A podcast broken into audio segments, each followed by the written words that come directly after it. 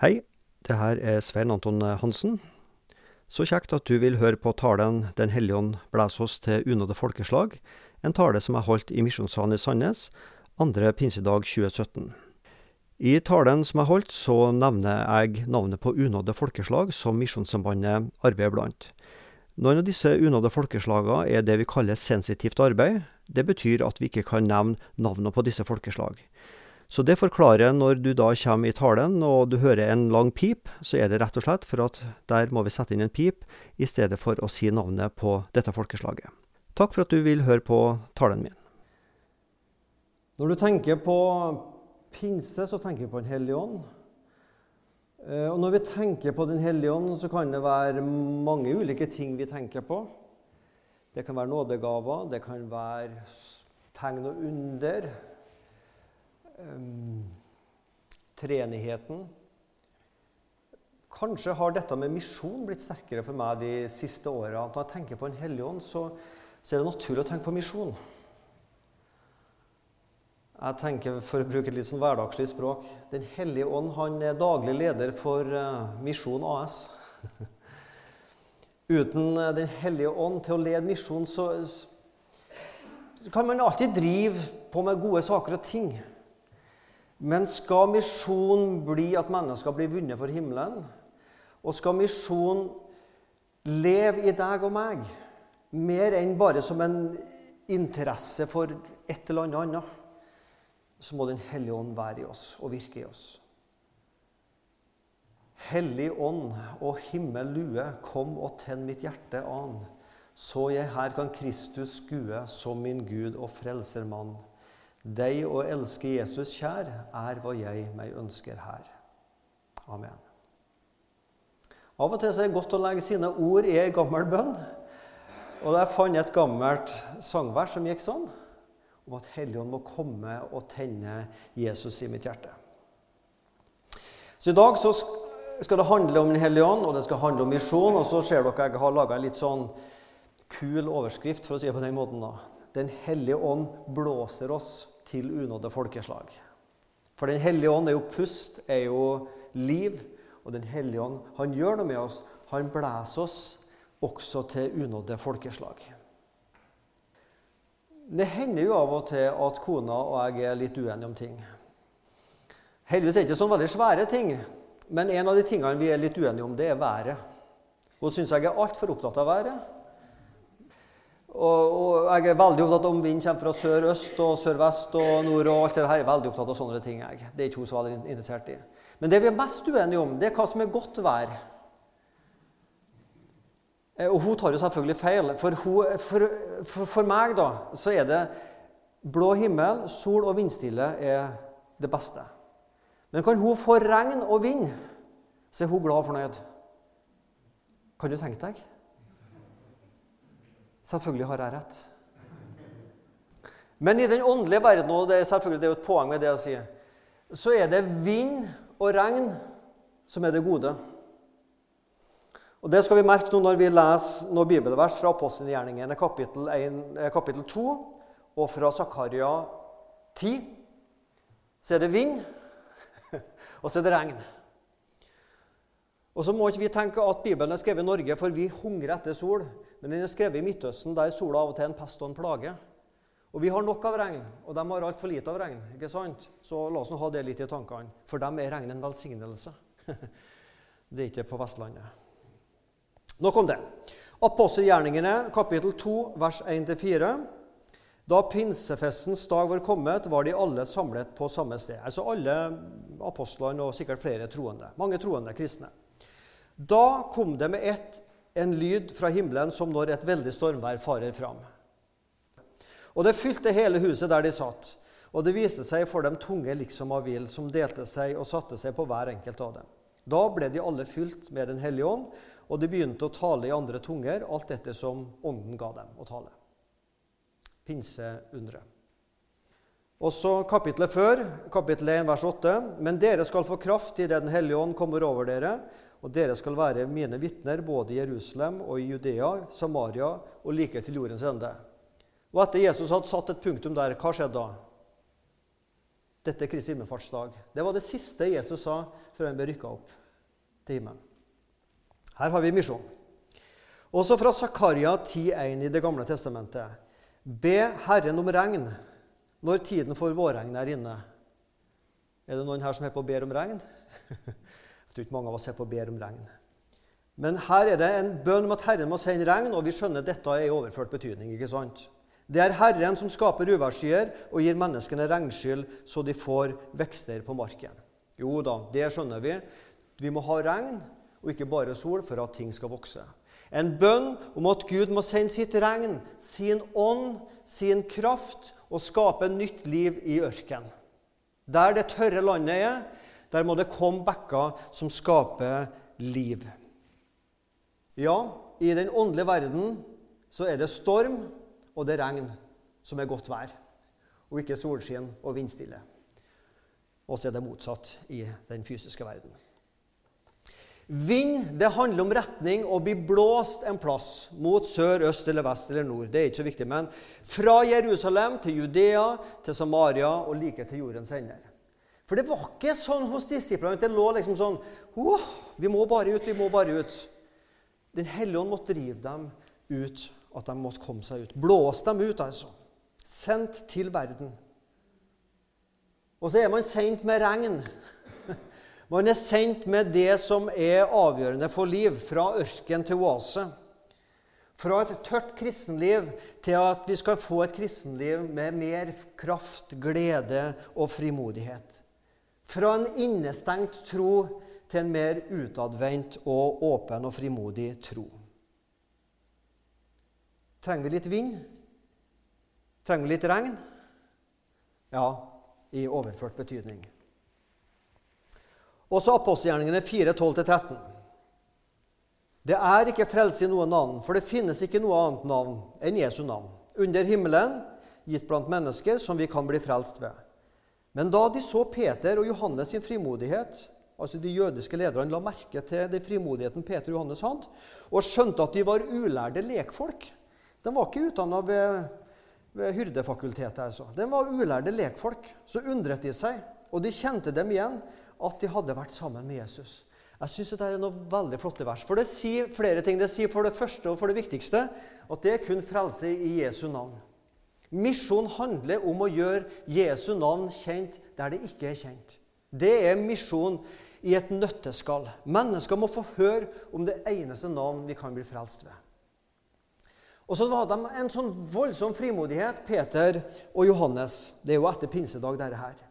Og så undrer de jødiske lederne seg hvorfor er de så frimodige, for de er jo ulærde lekfolk. De var ikke velutdannet. De hadde ikke gått og studert teologi veldig lenge. De var fiskere og, og, og vanlige arbeidere, men de hadde møtt Jesus. Jeg syns den setningen er så flott. Og de kjente dem igjen. De hadde vært sammen med Jesus. Jeg tror det, Der lå frimodigheten til dem. De var fylt av Den hellige ånd, og de hadde vært sammen med Jesus. Ikke bare at de kjente dem igjen. Jo, vi husker jo når Jesus gikk, så kjenner vi igjen de ansiktene der òg. Men de var frimodige, for de hadde vært sammen med Jesus. De hadde ikke bare kommet på noe i sitt eget hjerte og funnet på et eller annet åndelig som virka kult. De hadde vært sammen med Jesus, møtt han, blitt fylt av Ånden og så var frimodigheten der. Hemmeligheten til et frimodig kristenliv det handler om at vi er sammen og har vært sammen med Jesus. Kirke og misjon drives av det som her kalles ulærde lekfolk. Det er ikke vi ansatte som skal drive Guds rike. Guds rike er gitt også til meg, men ikke først og fremst som ansatt, men som en vanlig kristen. Oss som ulærde lekfolk. Men vi har møtt Jesus, og vi har fått et inntrykk av Jesus, og det ønsker vi å dele med andre mennesker. Og så er det fint å ha kunnskap og ha innsikt i visse teologiske ting. Visst er det det. Men også du som ikke syns at du har så mye av det, fylt av Ånden og vært sammen med Jesus, så har du nok å gå med. Pinse. Da ble de alle fylt av Den hellige ånd, leser vi i bibelteksten. Det er noe flott i denne bibelteksten fra apostelgjerningen kapittel 2, det handler om en totalitet. Ånden fyller alle troende. Og etter alle troende er fylt, så forkynner alle om Jesus. Alle troende var samla. Alle blir fylt, ikke bare de som kunne litt mer eller var litt flinkere å ordlegge seg. Gud fyller hele huset, og hele ånden blir gitt. Den hellige ånd er en person og ingen porsjon. Du får hele ånden fullt og helt. vet du.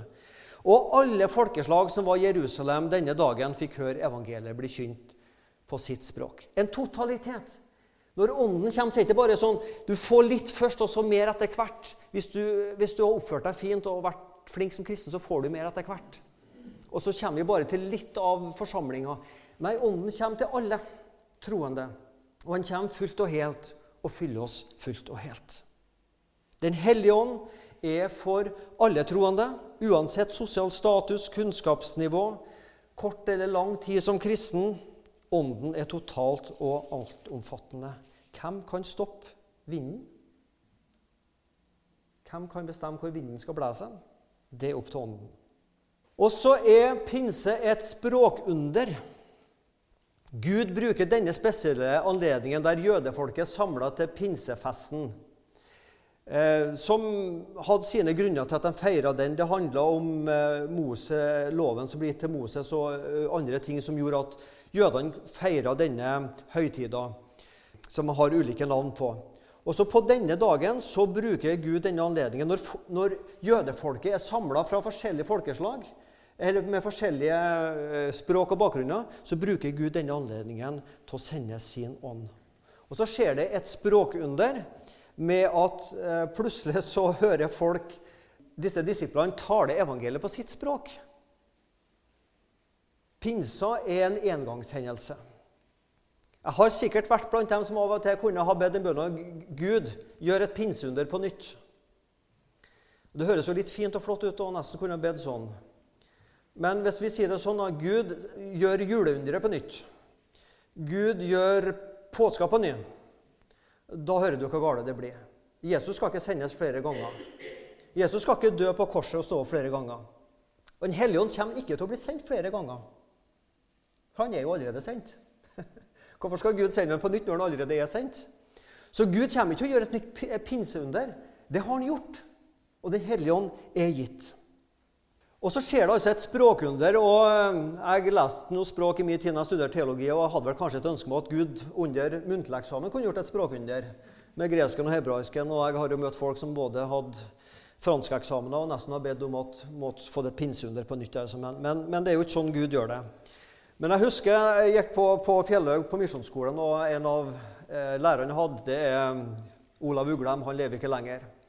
Men han fortalte om da foreldrene hans reiste ut til Kina, og da er vi veldig langt tilbake. Og De møtte noen trosmisjonærer som hadde reist ut til Kina. Og De tok ikke så veldig nøye, altså ikke foreldra til Olav Uglem, men noen av disse andre trosmisjonærene. De tok ikke så nøye med språket, for det skulle Gud gi dem i samme stund når de kom ut til Kina, trodde de. Men de ble nok skuffa. Det var, måtte nok pugges både gloser og ord. Det, man skulle jo håpe at Gud kunne gjort noe språkunder, da, men, men det er ikke sånn han gjør det. Men det skjedde på denne dagen. Jeg har hørt av og til noen også tenkt at det som skjedde på pinsedag, det var at alle disiplene fikk tungetale. Men det er ikke det som skjer. Det er ikke tungetale som blir gitt her på pinsedag. Det er et språkunder. De begynte å snakke svensk og norsk og tysk, og, eller norsk, gammelnorsk eller vikingsk eller, altså Det som var av språk i verden jøder som bodde i Italia, som kom til, Ro, til, Roma og kom til Jerusalem på pilegrimsvandring. Plutselig hørte de disiplene snakke latin, eller det som var språket den gangen. Det var et språkunder som skjer.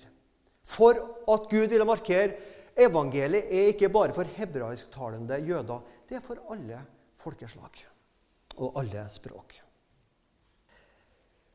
Så skal jeg si litt om unådde.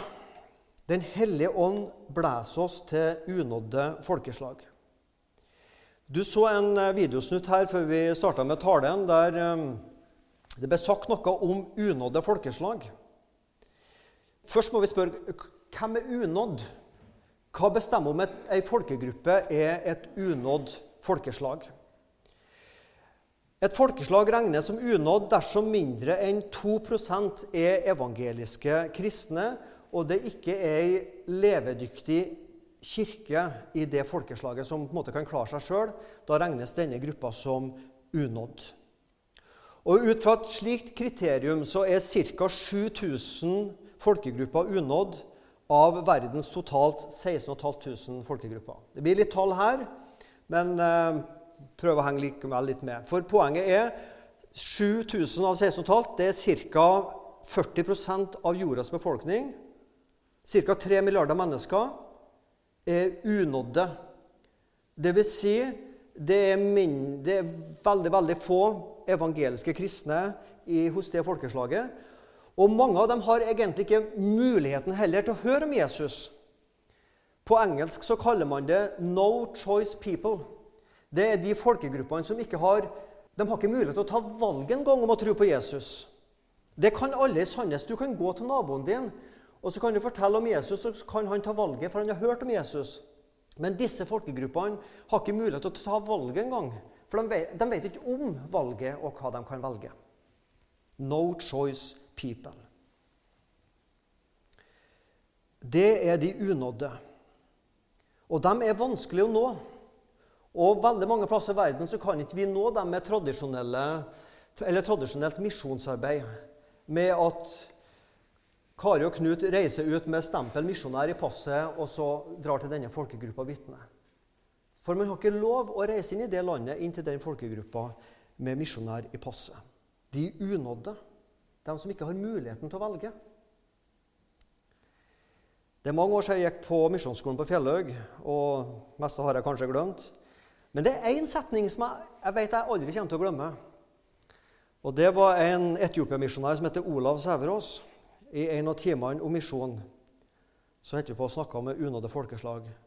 Og Da sa han følgende setning som har brent seg fast i meg. De unådde har alltid førsterett på evangeliet.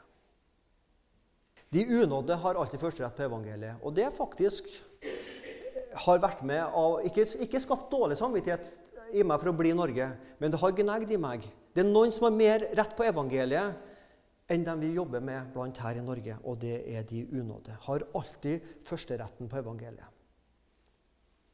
Og så er misjon, ytremisjon, har vært og er fortsatt viktig både for Misjonssalen og Misjonssambandet. Og Så måtte jeg gå gjennom hodet mitt og, og, og tenke litt. Og jammen meg, vi har flere her i forsamlinga som har vært ute i lengre eller kortere perioder. Det er alltid farlig å ta fram navn, for det kan hende at man glemmer noen. Da får dere ha meg unnskyldt, men det er ikke med vilje. Men jeg tror at jeg har det meste iallfall på plass når det gjelder navn. I siste utsyn Ja, du har utsyn. Du satt ikke som et spørsmålstegn hva er det for noe. Ja, selvfølgelig har du utsyn. Det skal bare mangle når du går i misjonssalen. Da sto det om Marit og Leif som nå skal reise ut igjen. Og Marit og Leif Jeg skal ikke si dem, for nå kan jeg si dere, for Leif sitter her. Her står det om eh, dere, Marit og Leif, det vet du. Um, snart reiser Marit og Leif ut igjen til sin sjette misjonærperiode. For første gang skal de delta i NLM sensitive arbeid. Det betyr at vi ikke kan skrive åpent i utsyn nøyaktig hvor ekteparet skal. Det blir bare vanskeligere og vanskeligere å være misjonær. Ja, det er helt sant, svarer Marit. Den største forskjellen er at vi der er at der vi før kunne bruke ord for vitne, må vi nå først og fremst vitne med livene våre. Rundt 1980 til Pokot i Kenya, animistisk, der eh, evangeliet gikk rimelig fort fram. Så noen år senere til Datoga-folket i Tanzania, og nå ut til Helge Arnfinn. digoene, kysten i Kenya. Dere skrev en bok om det en gang. Jeg husker Noe av det som sto i den boka, var at eh, jeg tror det var du Arnfinn, som sa det, at dere opplever et veldig stort frafall for dem som ble kristne. Og det måtte nesten gå sju år at de bekjente seg som kristne før dere kunne nesten være sikre på at de ville være kristne. Og dere bukker, ser jeg. Ja. Det sier noe om motstand de som blir kristne av Digoen møter. at det er et stort frafall tilbake. Her fra forsamlinga har Odny Frøyland vært fem perioder i Etiopia. Kari Sandve har vært i Taiwan. Inger Line og Knut Reier Indrebø har vært i litteraturarbeid i Arusha i Tanzania og skal nå til den norske skolen i Kenya. Helge Endresen har vært ettåring i Mongolia. Og Anders Helle har vært på korttidsopphold i Japan. Og igjen, jeg håper ikke jeg har glemt noen. Har jeg gjort det, så ber jeg sterkt om unnskyldning for det. Men jeg håper ikke jeg har gjort det. Og Det er noe med at misjonen blir så mye mer levende når vi har noen knagger å henge det på. Det er Marit, det er Leif, det er Helge og Arnfinn. Det er mennesker som er utsendt fra oss til å nå unådde folkeslag. Du kan tenke deg en åker med korn. Og så er det store slåmaskiner som slår disse åkrene. Store mengder tonn kvantum med korn. Men så er det helt ute i grensa mot veien, så, så kommer ikke slåmaskina helt til. For det kan være en stein eller det kan være en liten skråning. Og så blir det igjen noen renner der også som ikke slåmaskinene kan ta. Da må man til slutt nesten gå med handa og dra opp disse stråene for å få disse korna. På mange måter så er de store områdene, animistiske områdene i verden nå vitner for om Jesus. Men det står igjen noen plasser som er vanskelig tilgjengelig for de store slåmaskinene. Og Der du må gå og høste inn én og én og én korn. Men det blir korn av det også. Og Det er like mye korn det som står med veien, som det som sto på de flate markene. Også det skal høstes inn. Også sjøl om det er vanskelig å nå disse plassene. Har du hørt om drivemunker? Ja, nå ser jeg dere sitter som et spørsmålstegn her. Nå skal vi veldig mange hundre år tilbake. Vi skal tilbake på 500-600-700-tallet, før Jesu navn var kjent i Norge.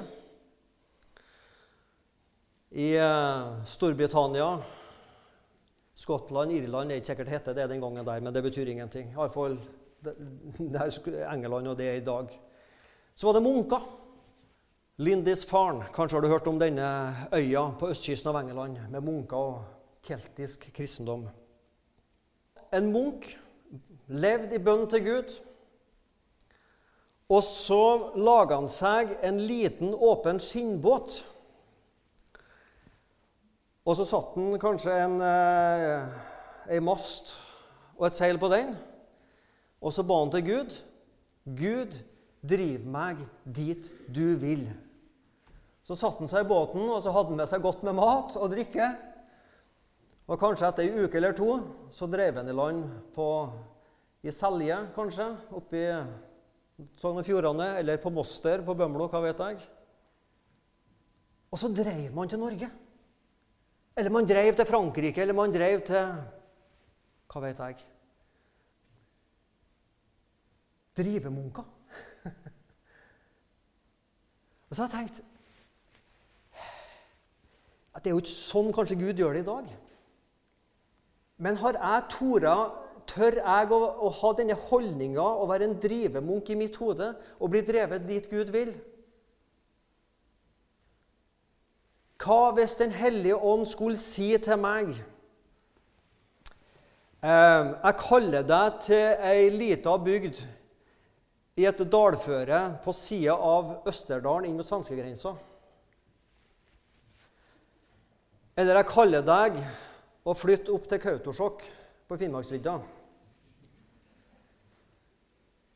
Da ville mitt første spørsmål er det du, Gud, som tar det. Jeg håper ikke. Jeg spøker litt, og dere skjønner det. Jeg hadde en opplevelse for mange år siden. Jeg tok eh, hurtigbåten fra Tromsø, for jeg skulle på en leir nede på Senja en plass. Og Så tok jeg hurtigbåten over, og så kom jeg til en plass, og så skulle jeg ta bussen en halvtime. Og det var liksom veldig øde. Det var et lite hus der, et lite hus der. Så tenkte jeg med meg sjøl Tenk hvis Gud har kalt meg hit. Å, jeg kjenner sånn frysning på ryggen. Men så tenkte jeg de har jo TV her.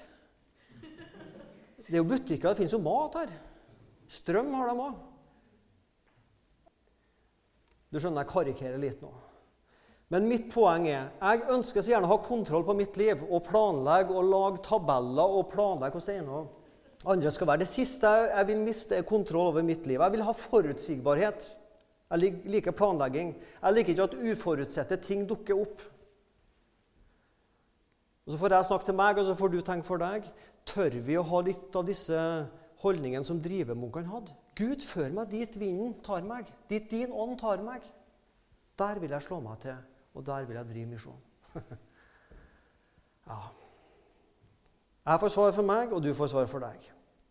Vinden blåser dit den vil, du hører den suser, men du vet ikke hvor den kommer fra, hvor den farer hen. Slik er det med den som er født av Ånden, sier Jesus til Nikodemus. Gud velsigne dem som har denne drivemunkholdninga. Gud, før meg dit du vil. Der vil jeg være. Der vil jeg være et vitne for deg. I går var kona og jeg på en spennende ting. Vi var i Kristiansand hele dagen. Vi var på internasjonal søndag for unådde. Og det var gjennom min andre arbeidsgiver, Norea, jeg var der. Det var et felleskristent arrangement med pinsevenner, frievangeliske, Nordkirken, Misjonsforbundet eh, og Sambandet. Norea. Og vi var samla sikkert nærmere 1000 mennesker til gudstjeneste, der Norea fikk presentere det arbeidet vi står i i Norea Mediemisjon. Og Jørn Helland fortalte om arbeid i Indonesia. Indonesia er et land med 250 millioner mennesker. Både Jørn og familien og ledere for Norea Per Birkeli og familien har vært misjonærer der. Det er 750 folkegrupper i eh, Indonesia. Ca. 200 av dem er unådde av evangeliet. Og En av disse gruppene består av 3,4 millioner mennesker. Og I denne gruppa er det ca. 100 kristne av 3,4 millioner mennesker. Det er det samme som det har vært 150 kristne i Norge. Da, da skjønner vi situasjonen. Og som Per Birkeli sa når han presenterte det i fellesgudstjenesten, vi kan ikke her gå ut med hva navnet på denne folkegruppa er. I et seminar senere på dagen med en mindre folk så sa han det. Og jeg kan si det nå, men jeg må klippe det vekk når dette legges ut på nett. Ja, Det er Indonesia. Der er det ei øy som, eh, der noe som heter Bali ligger. Det er litt sånn populært turistmål. Men litt til øst for Bali så ligger det ei øy som heter Lombok. Og Hvis du googler Lombok og bilder, får du opp fine strender og sånn. Og Der bor det ei folkegruppe som heter 3,4 millioner mennesker. og Man vet om ca. 100 kristne. Det er et veldig vanskelig folkeslag å nå. Er, de er helt gjennom eh, muslimsk folkegruppe. Og de som er, blir kristne, blir ofte fordrevet fra øya. Og Berit og Jørn Helland og familie de bodde der noen år i siste periode de var ute. Og De måtte ha fluktsekken ferdigpakka. Hvis eh, det ble fare for at de ble forfulgt, så måtte de være klare til å dra på dagen. Og som Jørn sa, Samtidig så kjente vi Guds kall til denne øya og denne folkegruppa. Og etter, etter vi var der lenger, så gikk trivselen rett i taket, som han sa. For Gud vil at også denne folkegruppa skal komme til himmelen. Hvordan når vi denne folkegruppa? Norea Mediemisjon, som er en del av Det er oss, det. Det er vårt mediearbeid, en del av vårt mediearbeid i Misjonssambandet. Samarbeider med en medieorganisasjon som heter Studio Sentosa. Og som lagrer kristne radioprogrammer som blir sendt på 65 radiostasjoner i Indonesia. Og over to millioner mennesker har mulighet til å lytte til disse programmene. Og nå ønsker vår samarbeidspartner Studio Sentosa å prøve å lage program som kan treffe Sånn at også de får høre evangeliet. Og For å sitte Jørn igjen å gå inn i disse områdene er som å gå inn i kampen. Satan vil ikke at vi skal inn i disse områdene. Ei unnådd folkegruppe som misjonærer ikke står i kø for å reise til, men de unådde har førsteretten på evangeliet. Det er vi med på. Det er Norea med på. Det er oss, det. Det er en av disse folkegruppene som Den hellige ånd er med å blæse også oss til. De unådde, som har førsteretten på evangeliet. Og Den uroen vil Den hellige ånd aldri ta fra deg og meg, at de unådde må få evangeliet. Er du glad i å telle? Her skal du få en liten matematikkquiz. I dag er du den eneste som har hørt om Jesus i Norge. Og I morgen så forteller du det til én person til. Da har vi to. Dette er enkel matematikk. altså. Og dagen etter, på den tredje dagen, så forteller dere to, det til hver sin ny en. To pluss to blir fire. Så dag tre så er det fire som vet om Jesus. På dag fire er det åtte, ja. ja. Og på dag fem så er det 16. Og på dag seks så er det 32, 64, 128 Og nå skal vi hoppe av, så ikke jeg avslører når jeg detter av. Men på dag eh, åtte så er det 128 mennesker som har hørt om Jesus. Eh, Sandnes kommune er ca. 75 000 mennesker. Hvor mange dager tar det før Sandnes altså, Vi skjønner jo at vi kan ikke gjøre det her hver dag, og sånn, men, men si nå at vi har kunnet gjort det sånn. da, ikke sant? Du er med på den. Etter åtte dager 128 mennesker. Eh, og Sandnes er 75 000 ca. Hvor mange dager tar det før hele Sandnes har hørt om Jesus? 128 på åtte dager. Hvor mange dager trenger vi før vi er på 75 000? Vi trenger 17 dager. Ikke lenger.